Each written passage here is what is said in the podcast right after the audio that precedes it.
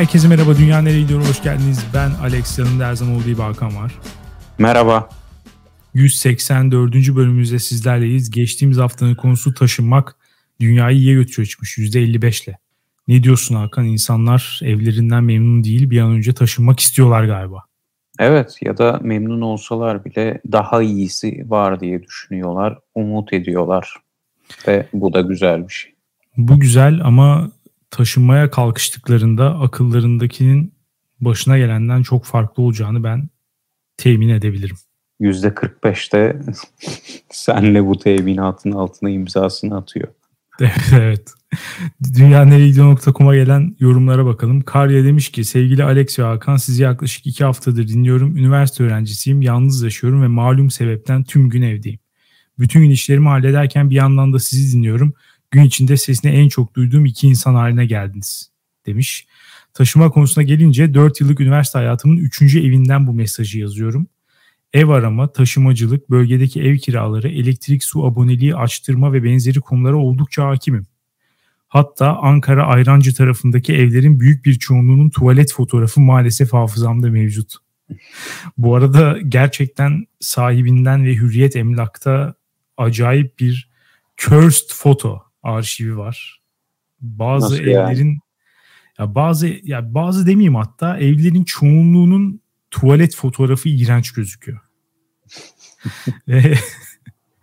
yani gerçekten mide bulandırıcı fotoğraflar var. Bu sitelerde yapıp, yapıp tuvalette bıraktıkları olmuyor herhalde. Yok canım öyle değil ama tuvaletin kendisi zaten iğrenç. Hmm. Yani ya mesela oturma odasının kötüsü mide bulandırmaz ama tuvaletin çirkini orada yani burnuna koku geliyor mesela fotoğrafa baktığın zaman. Üzücü. bir böyle 10 dakikalık bir seans tuvalet sigara seansı geçirilmiş gibi hissediyorsun. 5 boyutlu fotoğraf. fotoğraf. Evet, evet maalesef. Ben bu süreçte bu süreçte ister istemez mezun olduktan sonra iş bulamazsam emlakçılık yapabilecek kadar donanım sahibi oldum. Son ev değiştirmem eski ev arkadaşımın toksik ilişkisinin çevreye yaydığı toksisiteden kendimi kurtarma çabamdı diyebilirim. Sevgilisi o kadar kıskançtı ki kızın hayatında benden başka bir tane bile arkadaşı kalmamıştı. Benim bir sürü arkadaşım olmasına rağmen kimseyi evime davet edemiyordum. Çünkü geldikleri anda ev arkadaşımın sevgilisi eve damlayıp herkese bir afra tafra kabadayılık yapıyordu. Nasıl bir insan bu ya? Felaket bir senaryo gerçekten bu arada.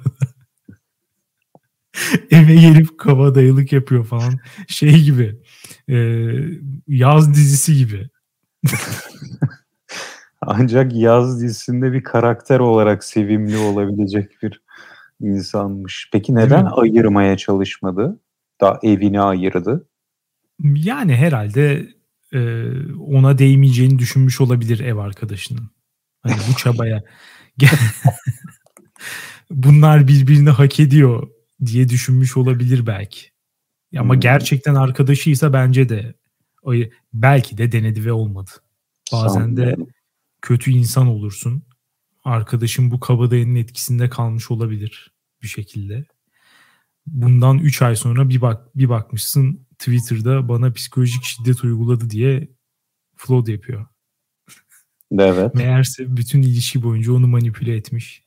Arkadaşları söylüyor. Ya genelde hep o floodlarda hep böyle bir aşama oluyor yani. Arkadaşları söylüyor ama inanmıyorlar falan. Hı hı. o etki altında kalmışlar. Böyle böyle bir durumda olabilir yani bilmiyorum. Neyse e, demiş ki ben de son senem demedim bastım gittim. Diyeceğim o ki taşırmak iyi ki var ve dünyayı kesinlikle iyiye götürüyor. Aksi halde ben şu an overdose toksisiteden can vermiş olurdum. Toksik kelimesinin zırt pırt kullanımına karşı olan arkadaş kusura bakmasın toksik ilişkiler vardır. Tebrik demiş. ediyorum. Haklı. Vardır gerçekten ama burada şunu düşünelim Karya. Böyle bir evde bulunmamak e, daha doğrusu evin suçu yok. Böyle bir ev arkadaşı ve onun sevgilisiyle beraber yaşamamak lazım. Yani burada iyi olan şey taşınmak değil. Şöyle bakalım mesela. Onlar taşınsaydı ne güzel olurdu. Keşke bu hikayenin sonu öyle bitseydi. yani çözümü belki bu şekilde onları dehlemek şeklinde bulabilseydin çözümü en ideali o olacaktı bence.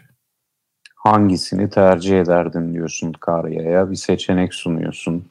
Olmamış, olmayacak, imkansız bir dünya hayal edip bir kere işin bu boyutunu geçiyorum.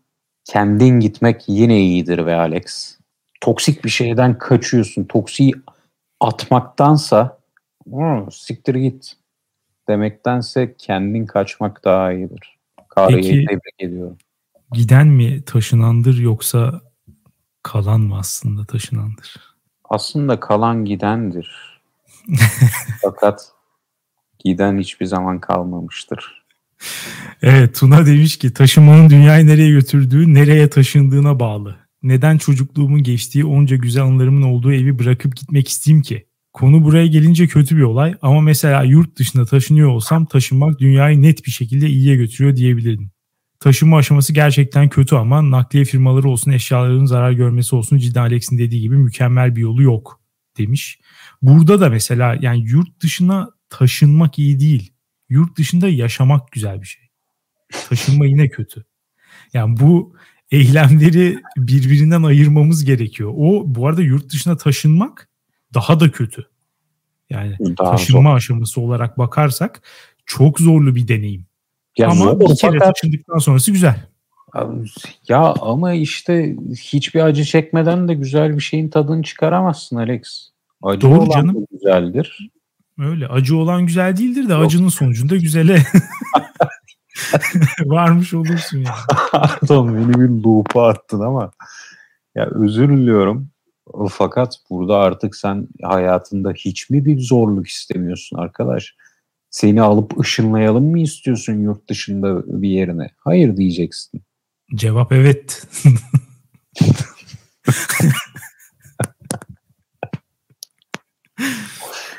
Ee, Justice for kiracı demiş ki ben üniversiteye gidene kadar ailemle 10 defadan fazla taşındık. Yani bu neden acaba? Burada bir bir sebep söylemeliydi artık burada bence. 10 defadan fazla üniversiteye gidene kadar. Yani 2 sene bile değil ortalama. Acayip. Taşınma konusunda tecrübeliydik ama bu seferki taşınma bambaşkaydı. Buraya kadar şey gibi kısa böyle film açıklamaları olur ya Dijitürk'teki. Taşınma konusunda tecrübeliydiler ama bu sefer bambaşkaydı. Ev ararken bir pansiyonda kalıyorduk. Vaktimiz kısıtlıydı ve şehri hiç bilmiyorduk. O üç günde yaşadığım stresi başka bir şeyde yaşamadım. Son sözüm de emlakçılara ileride iktidara gelirsem sizi Sibirya'ya süreceğim. Orada birbirinize kısmi manzaralı ev satarsınız. Demiş. Tamam bu arada benim tahminim şu babası asker. Evet e, şehir de değiştirdiği için evet. muhtemel geldi ama askerler bile bu kadar fazla yer değiştiriyor mu ya? Bilmiyorum. Bilmiyorum Babası... ama Sibirya'ya sürme falan da sürekli e, şehir değiştirme. Evet. Babası kayyum belediye başkanı da olabilir gibi geldi. Simi demiş ki önceki yorumda taşınmam gerektiğini size söyledim. Biraz kafam rahatlasın diye bölümü açtım ve ilk tepkim hay bahtımı sikiyim oldu. Dinlerken tekrar anksiyete mazdı sizin yüzünüzden taşınmanın asıl derdinden bahsetmemişsiniz. Buzdağının altta kalan kısmı. Eşya kolilemek. Vedalaşman gereken kıyafetler, incik boncuklar, kırılmaması için tek tek gazete kağıdına sarılan mutfak eşyaları, vazolar ve finalde mutlaka kırılıp takımı bozulan bardaklar. Doğru bir e, aslında konu bu ya. Konuyu hiç konuşmadık ama ben şuna takılıyorum Alex. Hep taşınırken evden bir şeyler eksiliyor atılıyor. Buna evet. takılıyorum ben. Buna ne gerek? Niye her şey alınmıyor diyeceğim. Haklısın. Bazı şeyler yersiz yere yer kaplıyor olabilir. E bu durumda da taşınmak iyi demen lazım senin şu an. Bekliyorum. Bahar temizliği gibi mi diyorsun? Evet. Hani fırsattan istifade gereksiz eşyaları atıyoruz. Evet hayatını bir gözden geçiriyorsun. Bu biblonun bendeki anısı yeni bir yere taşımaya değer mi? Marie Kondo gibi. ya Marie Kondo ne? o eşyalı milletin evine girip eşyalarını atıyor ya. Of dedeme yollamak lazım onu. Cinayet çıkar. Kavga dövüş bütün eşyalarını atsın. of ya. Cinayet. Demiş ki ismi benim gibi minimalizmden çok uzak bir insansanız hayat çok zor. Bu süreci yaşayan biri olarak ayıkla ayıkla bitmiyor. Dört büyük çöp poşeti kıyafet çıkardım. Köy çocuklarına göndermek için demiş. Bunu bir kere daha konuşmuştuk. Gerçekten minimalizm akımının tam karşısında Türkler yer alıyor. Maksimalizm. Yani her eşyayı evinde tutmak ve evi hiçbir boşluk kalmayacak kadar eşyaya boğmak. Bu da evet. Türklerin olayı gerçekten. Evler hep böyle. Ee, hangisi daha iyi bilmiyorum yani bazen maksimalist bir evde de oturmak istiyorum. Her tarafında bir şeyler olan böyle dolu dolu. Televizyon izleyeceksin üstünde bir şey var yani. Adam televizyonun bile üstüne bir şey yapıp koymuş yani. badana konusunda ben de badanalayıp giriyorum. Çünkü her evin kendine ait bir kokusu oluyor nedense. Mesela yanıma ev arkadaşı aldığımda hissetmediğim ev kokusunu hissetmeye başladım. Parantez içinde kötü anlamda. Böyle eve ağır bir koku sinmiş gibi hissettim. Ve badana yapmadan o koku gitmiyor. Demiş ya burada evin kokusu değil yani kendin aslında e, ipucunu yakalamışsın oradan devam etmen lazım yani ev arkadaşı gelince koku değişiyorsa. Onu gönderdikten sonra da bir süre sonra tabii o onun o iğrenç kokusu her tarafa sinmiş olabilir ama yeterince havalandırdıktan sonra geçecektir yani. Geçmez Alex. Boşuna mı badanalatıyor herkes? E, bütün ev sahipleri evden çıkarken kiracı. Orada bir bir aktivite yapmak lazım o kendini kandırmak için. Lazım. Şu anda da bu yorumu bir yandan kolilediğim ürünlerin arasında oturmuş bir şekilde yazıyorum. Umarım kimse taşınmak zorunda kalmaz demiş. Ve de bir not yazmış. İki sene önce 5000 lira verdiğim L koltuk takımıma spotçu 800 lira teklif etti. Evet yani üzücü gerçekten. Eşya aldığın zaman da bir soyguna uğruyorsun maalesef. Maalesef. Ne dersin taşınma konusunda daha detaylı bir sohbete girmek istemiyorsan bu haftanın konusuna geçebiliriz. Geçelim. Bu haftanın konusu unutmak. Ama öncelikle unutkanlardan başlayalım istersen. Unutkan Olur. insanlar hakkında ne düşünüyorsun? Onlar canım benim ya. Unutkan insanlar. Onlarla empati kuruyorum. Ben de unutkan bir insanım çünkü. ya, o ya neyi, ya. neyi unutuyor abi? Ona bağlı birazcık. Öyle söyleyeyim. Yani unutkanlığı başkalarına karşı bir sorumsuzluğa mı dönüşüyor? Ee, biri hep birilerinin aleyhine bir şeyler unutuyorsa mesela orada birazcık şüphelenirim. Ama genel olarak hafızası çok iyi değilse onlar benim kardeşimdir yani. Sen ve kardeşinizi Sibirya'ya sürmek istiyorum Alex. Niye Ders, hayırdır? Bilmiyorum. Benim çok e, nasıl diyelim kanıma dokunuyor. Mesela bir arkadaşın beraber geçirdiğiniz anıları hiçbir zaman hatırlamıyorsa ya böyle ilişkinizde bir değer kaybı yaşamaz mısın? Yani şöyle bakarım. İstikrarlı olarak benle anılarını unutup diğer her şeyi hatırlıyorsa o zaman yani evet kesinlikle ben de bir şüpheyle bakarım duruma. Çok doğru söylüyorsun. Buradan olayın özüne geliyoruz. Bir insan bir şeyi hatırlamıyorsa ona yeterince değer vermiyor mu demektir? Yoksa basit, sadece unutkan bir insan demek midir? Ya anlara bölersek bence basit olabilir ama bir e, örgü çıktığı zaman buradan hani yeterince arkadaş falan dediğin için söylüyorum. Hani yeterince gözlemleyebiliyorsak bu insanı ve sürekli olarak ya çünkü bu arada şöyle bir şey de var. Ee, hani bir şeyler bir şeylere duygusal olarak da anlam yüklediğin zaman senin için bir e, anlam ifade ettiği zaman onları hatırlama ihtimalin artıyor. Yani gidip de şimdi marketten bir şey aldın geldin bunu belki hatırlamazsın ama sende duygu uyandıran bir farklı bir şey olduysa bunu hatırlama ihtimalin daha fazla. Dolayısıyla yani birazcık şüpheye düşerim ben de sorgulamaya değer. Evet ben de buna katılıyorum. Bir, sürekli sorguluyorum. sürekli arkadaşlarımı, çevremi hatırladıkları ve hatırlamadıkları üzerinden sorguluyorum. Ve unuttukları çok şey anlatıyor bence Alex. Neyi unutmayı seçtikleri mi diyelim? Belki de bunu bir şey olarak kullanıyorlar. Silah olarak kullanıyorlar. Kim bilir. Şu an ben cümleme başladım da nasıl devam ettireceğim bilmiyorum Alex. Bilmiyorum fark ettin mi? fark ettim. İstersen şeyden başlayalım. Yani şuraya götüreyim, bambaşka bir yere götüreyim. Önce onu konuşalım. Sonra başka şeyler de konuşuruz. En son şu an unuttuğumu fark ediyorum ben de. Dün ya da önceki gün hangisi hatırlamıyorum. Father filmini izledim. Anthony Hopkins'in oynadığı. Sen de izledin mi? Hayır. Ya konumuzla çok bağlantılı gerçekten. Bir demanslı bir e, adamı oynuyor. Artık tabii yaşı da kemale erdiği için ancak böyle roller oynayabiliyor.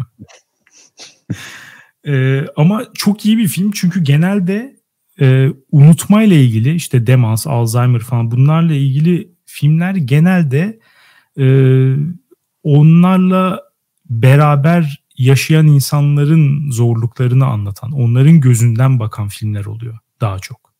Hı hı. Burada biraz daha o açıyı da görmekle beraber unutanın gözünden çok fazla anlatım var. Asıl anlatıcı e, demanslı olan kişi. Evet. Hikayede. Dolayısıyla şeyi çok iyi hissettirmiş gerçekten. Yani o her şeyi unutmanın sana verdiği o e, kimlik kaybı hissini çok iyi geçirmiş. Dolayısıyla bu konu huzursuzluk da var mı? Var tabii ki evet. Yani huzursuzluk var, paranoya var. İşte başkalarına karşı güvensizlik, dediğim gibi kimlik kaybı, kafa karışıklığı yani her şey var ve benim en çok e, dikkatimi çeken şu oldu. Bu arada herkese tavsiye ediyorum. Hakikaten çok güzel bir film. Kontrol kaybı. Yani unutmakla ilgili bana hep bu şey geliyor. Tabii şimdi yaşlılık hani demans, Alzheimer bunlar çok daha ileri şeyler. Ama ben mesela bir şeyleri unuttuğumda ya da hafızamın çok güçlü olmadığını fark ettiğimde bundan dolayı rahatsız oluyorum. Yani hayatım sanki benim kontrolümden çıkmış, benim dışımda gelişiyormuş gibi hissediyorum. Hı. Çünkü istediğim zaman e, bazı aşamalarını hatırlayamıyorum bile. Yani bu hani ilk aşama. Anlatabildim mi? Yani hafızan o kadar bile güçlü değilse hani hatırlayamıyorsan bile neler olduğunu o acayip bir şey getiriyor sana. Ee, ya kontrolsüzlük hissi getiriyor. Ve böyle sanki gerçekten ya çünkü sonuçta benliğin en önemli parça parçası muhtemelen hafıza. Yani Peki. geriye dönük o tecrübelerini falan yorumlayarak sen biraz da kim olduğunu ve etrafında nasıl ilişkilendiğini falan öyle öyle anlayabiliyorsun. E bunları yitirdiğin zaman da birazcık sevimsiz bir durum oluşuyor gerçekten. Peki şu an şöyle bir unutmadan mı bahsediyorsun? Ya bir şeyler olmuştu ama hatırlayamıyorum çıldıracağım. Ne olmuştu? Gözümün önüne şöyle bir şeyler geliyor ama neydi? Tarzı bir hatır unutma mı? Ya yoksa full direkt blackout hiçbir şey hatırlamama, unutmama. Bir kısmı bir kısmı öyle. Hani daha uzak geçmiş öyle bende. Baya bir şeyi hatırlamıyorum. İnsanlar çocukluğundan falan bazen böyle çok berrak bir şekilde bahsediyor. Ya da işte sadece çocuklukta değil hatta ya evet onun da etkisi olabilir. Sonuçta hani hafıza da çok e, nasıl diyeyim kesin bir şey değil. Hani onu sen hatırlamıyor olabilirsin gerçekten. İnsan yani biri sana anlatmıştır. O an o anlatıyı hatırlıyorsundur. Mesela ailen seninle çocukluğun hakkında çok konuşuyorsa o anılar sanki gerçekmiş gibi senin hafızanda yer ediyor. Yani bunlar var tabii ki. Ama mesela ben gençliğime dair de çok fazla böyle hani bazı insanlarda bu özellik oluyor çok imreniyorum. Çok net kafası. Hani şu olmuştu bu olmuştu. Hafızası acayip net. Böyle birisi olmayı çok isterdim. Yani ben bazen dediğin gibi de oluyor. Daha yakın şeylerde de ulan hani evet bir şey vardı ama neydi diye düşünüp bulamadığım da çok oluyor. O biraz daha dediğim gibi yakın geçmişte geçerli. Evet. Ben bunun bir örneğini yakın zamanda yaşadım. Bir arkadaş Neydi? liseden bir anıyı hatırlattı. Ben anı anının sahibini o sandım. Olay şu edebiyat dersindeyiz. Kitap okunacak bir romanın herhalde bu eski çağ romanlarından gurur ve önyargı mıydı? O tarz bir roman okunacak. İşte ben de okumayı sevmem hocam. İşte demişim sanırım. Hoca da demiş ki öyle sevmem mevmem yok. Öğreneceksin. İşte okuyacaksın pardon. Ha, inşallah demişim. Hoca da demiş ki inşallah inşallah yok. Seveceksin. Ben de kısmet demişim. Bu, olayı böyle kısmet yazdı bu olayın hani keyword olarak.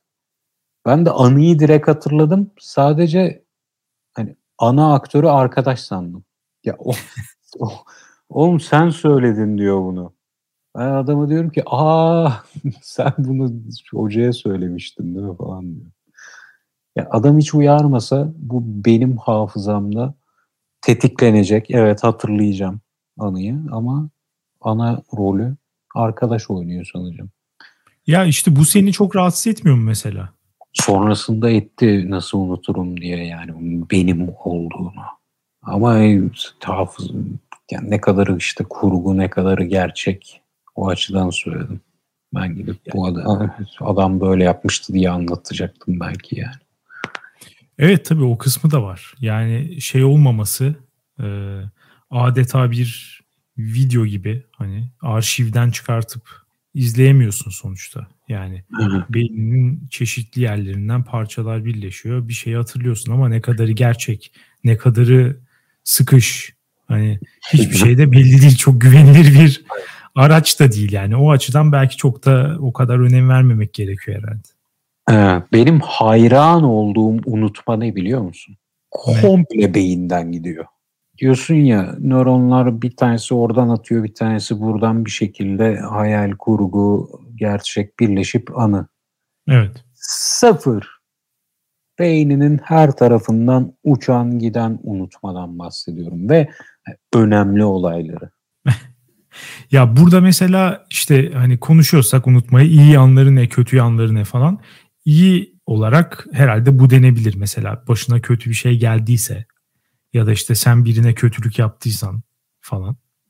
Bunları unutmak çok daha güzel olur tabii. Yani o da bir yandan da bir şey hani insana bahşedilmiş güzel bir özellik. Ama ne kadar tamamen unutmak ne kadar mümkün oluyor bilmiyorum. Hani genelde şey gibi e, bir ölçü unutuyoruz. Hani tamamen unutmuyorsun. Mesela işte bir yakın ölüyor. O an çok üzülüyorsun. Bir hafta sonra işte tırnak içinde unutmuş oluyorsun. Ama o unutmakla senin bahsettiğin mesela tamamen unutmak aynı şey değil. Ben kötü şeyleri tamamen unutabiliyor muyum? Düşününce o kadar emin değilim yani. Sanki benim kafamda hep yer ediyor bir şekilde. Bastırıyorsun. Ya evet yani işte hani geçiyor tabii ki tazeliğe. Hiçbir zaman o an olduğu kadar o öyle çarpıcı yaşamayacaksın yani. Üzerine başka şeyler geldikçe onlar arka plana atılıyor. Ama işte hani bir kötü bir şey olduysa sana bunu muhakkak yine hatırlıyorsun. O yüzden çok da iyi diyemeyeceğim. O dediğin gibi bir şey bilmiyorum hiç yaşamadım herhalde. Yani tamamen unutmuşum yani hiç yok böyle bir şey. Ya evet bastırmışsın aslında orada hani unutma bastırma ilişkisine ne diyorsun? Ya şurada gitti aklım. Bir belgesel vardı Netflix'te. Treblinka'nın Korkunç Ivan'ı diye. İkinci Dünya Savaşı'nda Treblinka toplama kampında bir tane baş gardiyan varmış Ivan diye. Oraya topladıklarına hani en en kötü davranan hani zaten bir ölüm kampı ama bu adam düşün yani korkunç olarak ayrı bir sıfat eklenmiş adama yani. Evet. bir de bu, bu sıfatı hak edecek bir nazi olmak için gerçekten adamın yaptıklarını tahmin edemiyorum. Sonunda bir tane Amerika'da Cleveland'da Ford'da mı ne Ford fabrikasında çalışan yaşlı bir adamı buluyorlar. Ivan buymuş diye. Yani bütün dizide aslında biraz şey var. Ivan yaptı mı? Ya bu adam Ivan mı değil mi? Bence bütün bu diziyi doğuran şey Ivan'ın kayıtsızlığı. Yani adamın kayıtsızlığı. Bence o adam bu arada diziyi izleyince herkes de bu fikir oluşur diye düşünüyorum. O adam hmm. Ivan. Ama adam ya adam Treblinka'da yani leş leş şeyler yapmış. İnsanlığın en dibine kadar inmiş. En alt seviyeye inmiş. Sonunda savaş bitmiş. Atlamış Cleveland'a gitmiş. Cleveland'da komşuları şöyle anlatıyor Ivan'a. Torunlarıyla oynar. Hani kendi kendine takılan, sessiz bir tiptir.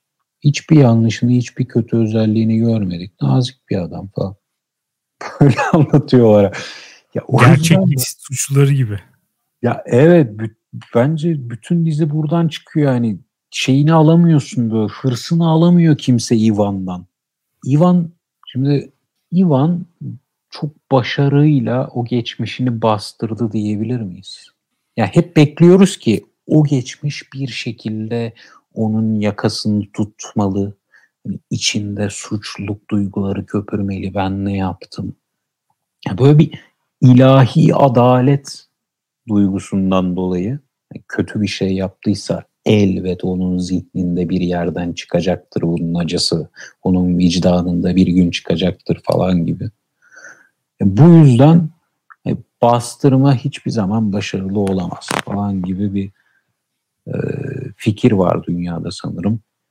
Bence bastırma gayet başarılı bir biçimde yapılabilir.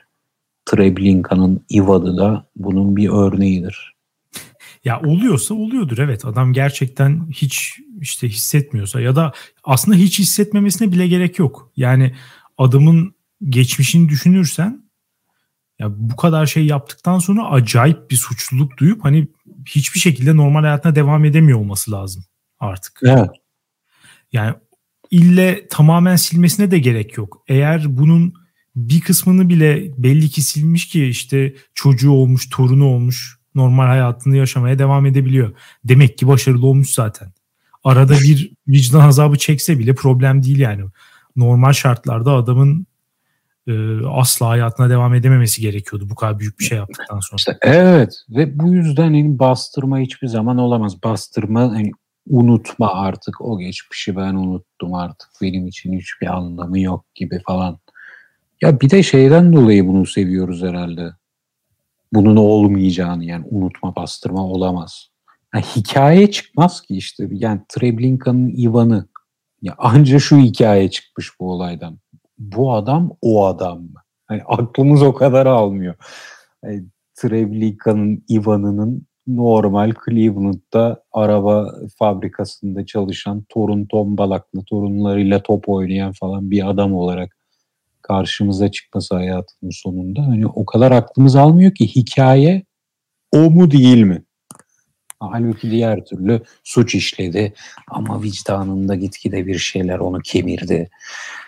Ve sonunda işte bir köpeği öldürdü dayanamayıp ve delirdi ve akıl hastanesine yollandı falan. Yani ya evet bu... o daha o daha rahatlatıcı bir e, şey olurdu.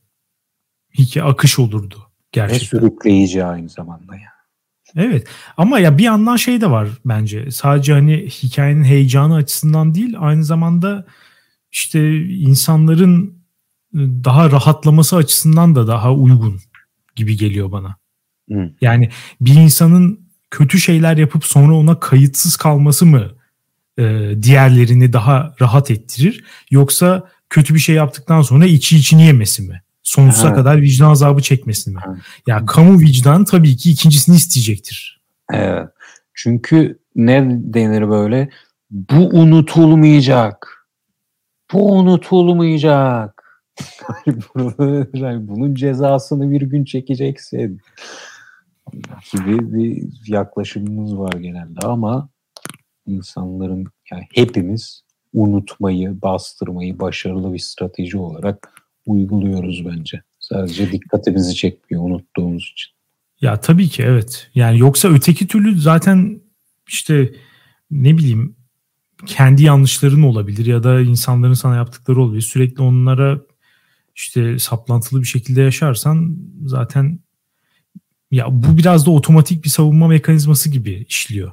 Yani bu adam mesela hakikaten silebildiyse bravo bir yandan da. ya ben de imreniyorum yani o kadar hani tamamen yaşadığın her şeyi silebilmek de iyi bir iyi bir özellik aslında. Evet, geçmişe takılıp kalmıyorsun. Evet. Ama ben öteki tarafa doğru gitmek istiyorum. Yani e, unutmak değil, yaşadıklarımı daha da hatırlamak istiyorum. Hayatımı unutmamak istiyorum. Onun için de bu konuyu yapacağımızı e, kararlaştırdıktan sonra bir baktım böyle acaba şey var mı diye gerçekten. E, hafızanı geliştirme yöntemi.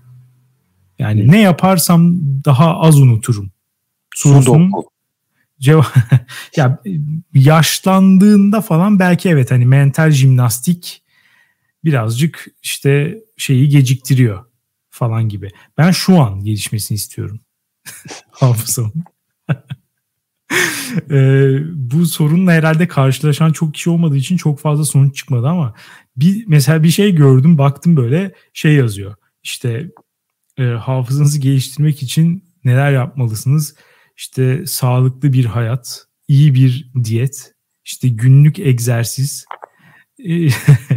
ondan sonra işte tansiyonunuzu kontrol altında tutmanız ya yani imkansız. Mümkün değil. ya ya ya her şeyi önerilen diyelim. ya evet hem öyle hem de tamamını yapmak imkansız. Dolayısıyla kimse gelip adamdan hesap soramaz yani bunu yazandan.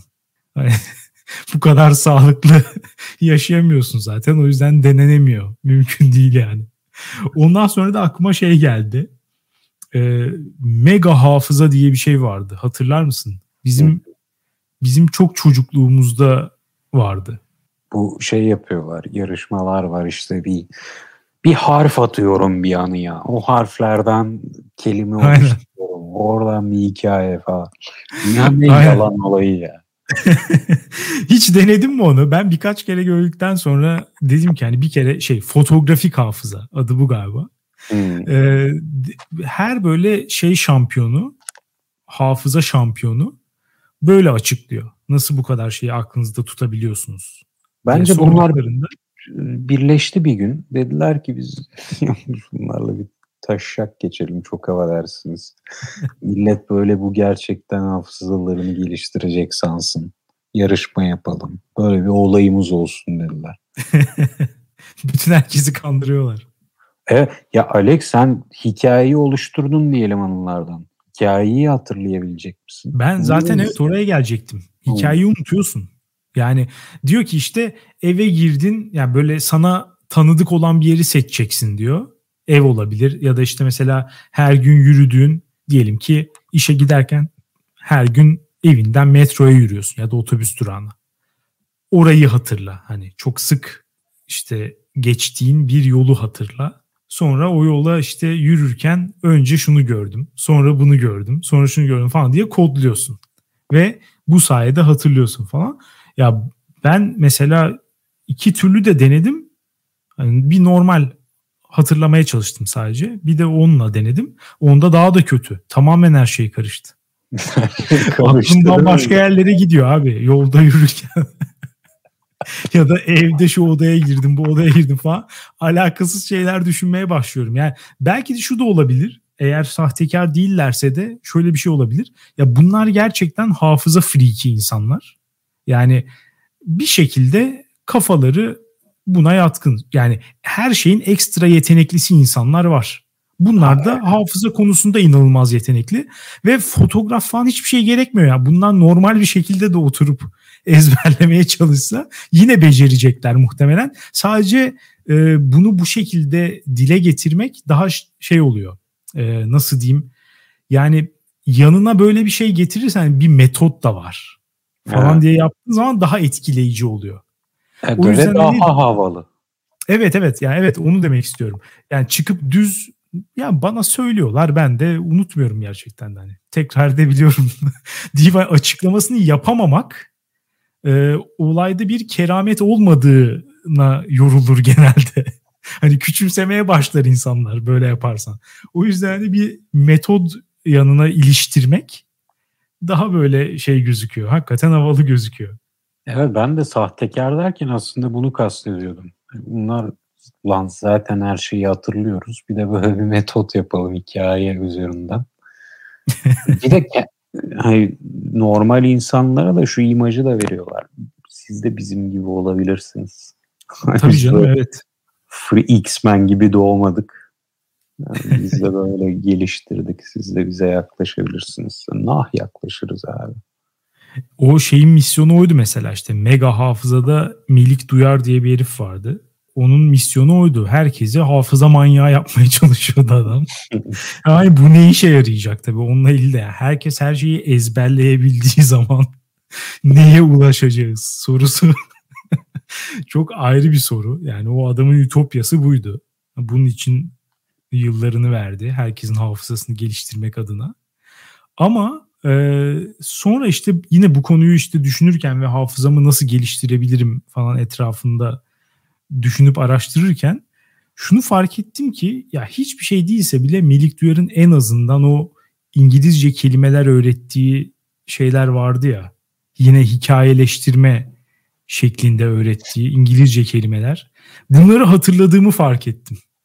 Nasıl ya? Ve, ve Melik Duyar'ın gerçekten inanılmaz başarılı olduğunu teslim etmek durumundayım. Mesela dungeon, zindan kelimesini nasıl anlatıyordu hatırlıyor musun hiç? Belki böyle deyince aklına gelir. Hayır. İşte mahkumlar odadan odaya haberleşmek istiyorlarmış. Kalorifer borularına vurarak haberleşiyorlarmış. Vurduğu zaman da dan, çın, dan, çın diye sesler geliyormuş. Yani zindan dungeon demek. Ya da işte adamın biri yolda yürüyormuş. Billboard'da bir tane şey görmüş. Yeni nesil yazan bir tane fotoğraf görmüş. Ama böyle işte mohawk saçlı işte küpeli falan öyle bir şey fotoğraf.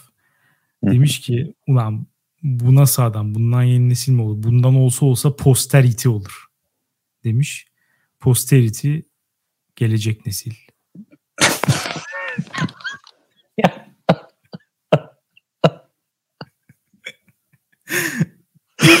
Ya Alex şu an beni trollemiyorsan bu adama yazıklar olsun ya.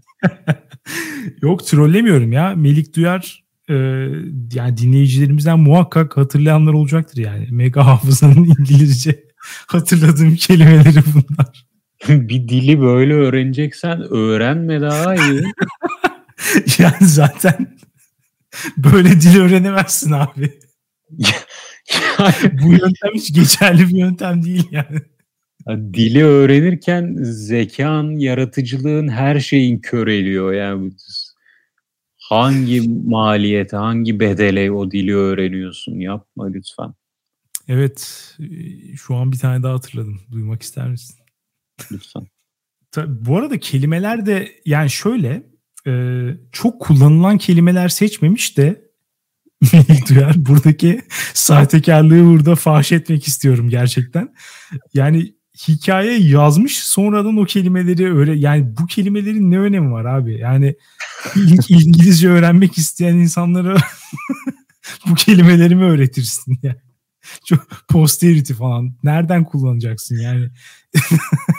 Kelime öğrenmek için bu tip hikayelere ihtiyacı olan bir ekibe İngilizce öğretiyorsan posterity kelimesini öğretmezsin yani en başta herhalde.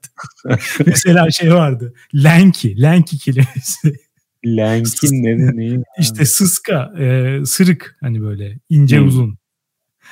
İşte e, basketbol oynuyormuş bir tane adam. Çok uzun boylu inceymiş ama hiçbir reboundu alamıyormuş falan. Koçu da demiş ki lan 2 metre boyun var bir rebound alamıyorsun. lan 2 metre Lanky. yani sanki bunları duydukça şey gibi geliyor değil mi? Hani yani Melik abinin aklına bazı hikayeler gelmiş. Sonra bu hikayeleri hangi kelimelerle anlatabilirim diye düşünmüş. Melik abi İngilizce öğrenmemizden çok kendini hatırlamamızı istiyormuş galiba. Kendi karanlık zihin dünyasını bize aşılamış. Ve başarılı olmuş gerçekten. O olmuş sen hala hatırlıyorsun baksana. Hatırlıyorum ve e, biliyorum muhakkak e, bunları hatırlayan birçokları var bizi dinleyen. Yaşı yetenler için diyorum tabii ki. Hani en azından bir 27-28 yaşında olması lazım. Bizden daha büyükler falan da hatırlar. Yorumlarda bekliyorum hatırlayan varsa gerçekten. Mega hafızanın İngilizce kısmı. Peki şeye ne diyorsun? Ee, şey de çokça konuşulan bir konu. Unutmakla e, hani güncel hayat pratiklerimizin ilişkisi. İşte internet, akıllı telefon, her şeyi Google'a sormak. Hmm. unutmanın nasıl bir şey, nasıl bir alakası olduğu. Burada bence hep yanlış şeylere konsantre olunuyor. O yüzden bir tehlike varsa da insanlar tehlikenin farkında değil. Nasıl yani ne demek istiyorsun? Ya bu belki ciddi bir konu olabilir. Hani ben birazcık baktım. Çok fazla böyle şey net bir araştırma yok açıkçası. İşte internet ya da sosyal medya ya da akıllı telefonlar insanların hafızasını kötü yönde etkiliyor. Sonucuna varan çok fazla araştırma yok. Hani daha önce şeyi benzer araştırmalar görmüştüm. Ee, işte sosyal medya kullanımı ve sık akıllı telefon kullanımı birazcık e, bilişsel kapasiteyi düşürüyormuş. Ama bunlar daha çok dikkat dağınıklığıyla alakalı. Hmm. Unutmayla değil yani. Hmm. Ee, ne diyecektim unuttum. Sen hatırlarsan ben şey söyleyeyim bu arada. Söyle söyle ben hatırladım.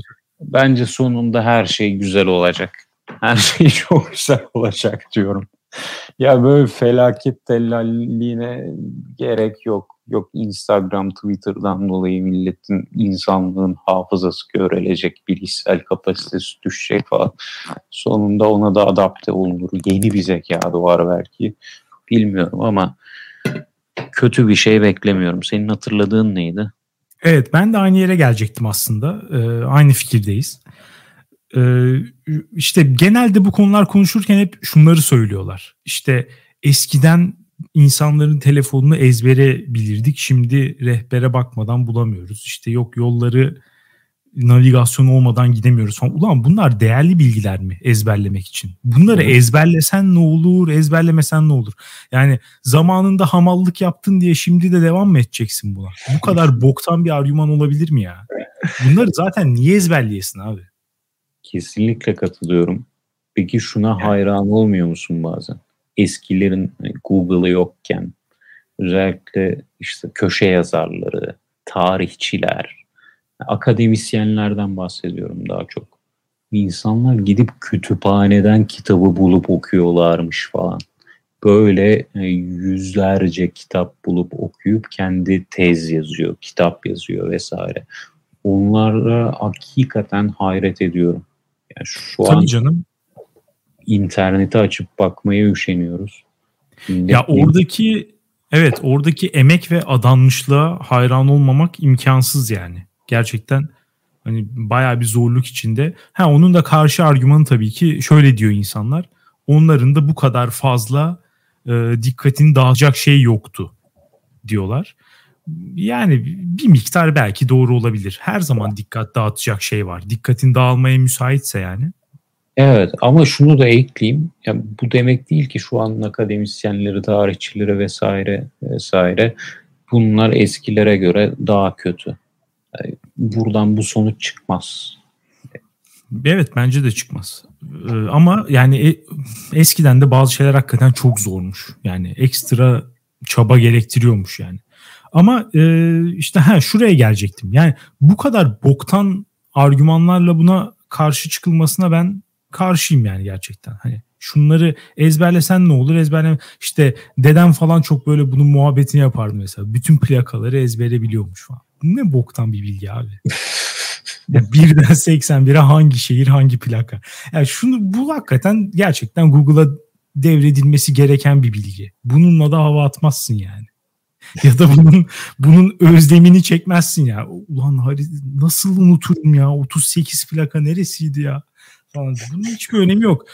Bunu cep telefonunu bir e, nasıl diyeyim yani beynimizin bir uzantısı olarak kabul edelim artık.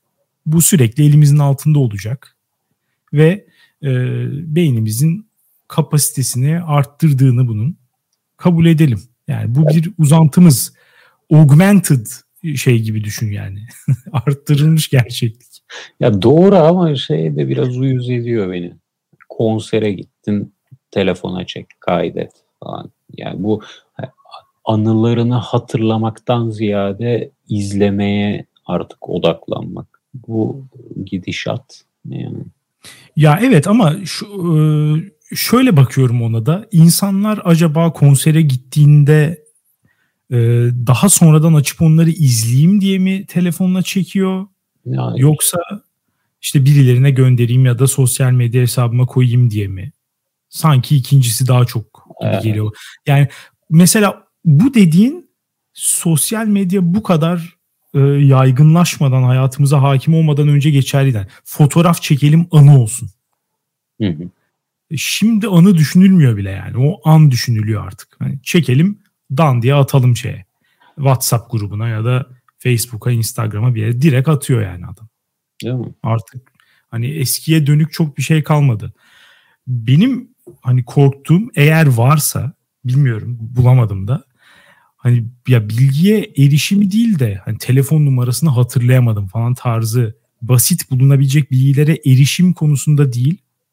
Çünkü aslında unutmak da değil. Ben onu öğrenmemişim. Yani yeterince bunu unutmak diyerek de yanlış şey yapıyorlar. Hani beynin bir şeyi hatırlayabilmesi için önce öğrenmesi lazım ya. O sürekli rehberden bakıp elle çevirirsen telefon numarasını bir yerden sonra öğrenirsin. Ben o telefon numarasını hiç öğrenmiyorum ki unutayım.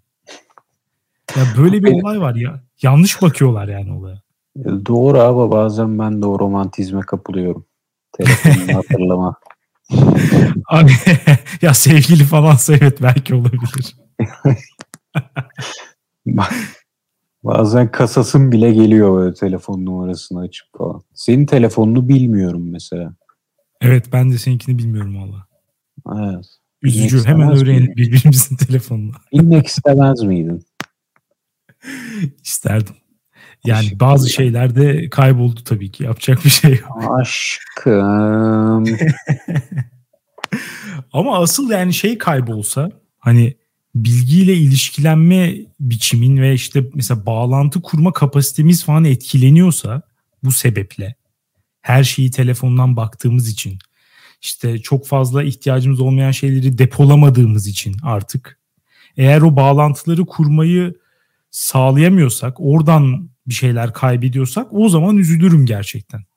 Ama bununla ilgili de sanırım çok fazla şu an e, yani kesin sonuç yok.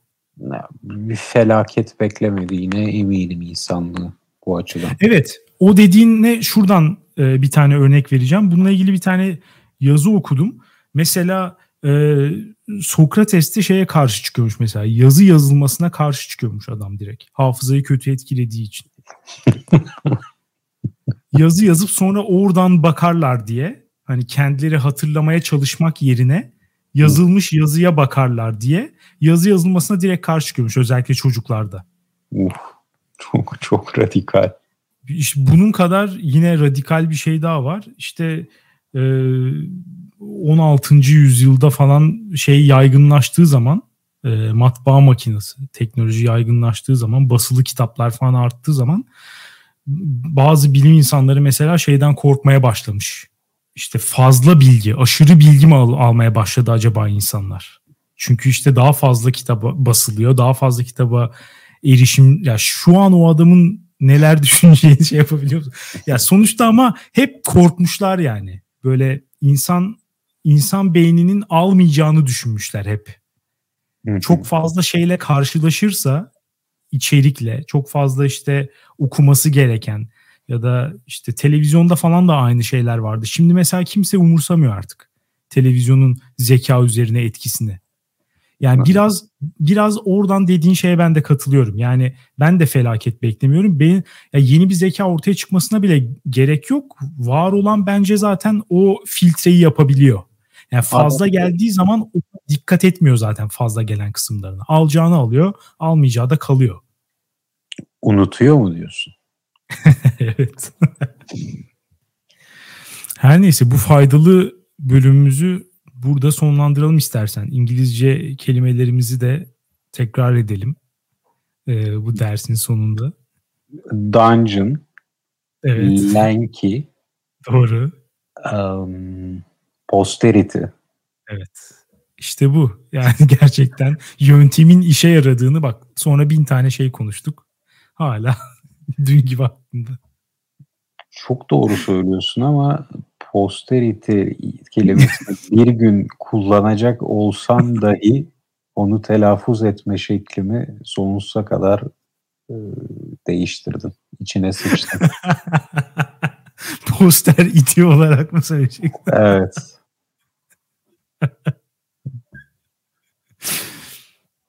evet, e, acilen e, Melik abinin yöntemini unutmanı diliyorum. dünyaneregidiyor.com'a konuyla ilgili e, her türlü anınızı, unuttuğunuz, unutmadığınız şeyleri yazabilirsiniz. Artı anketimize katılabilirsiniz. Dinlediğiniz için teşekkür ederiz. Haftaya salı görüşürüz. Güle güle.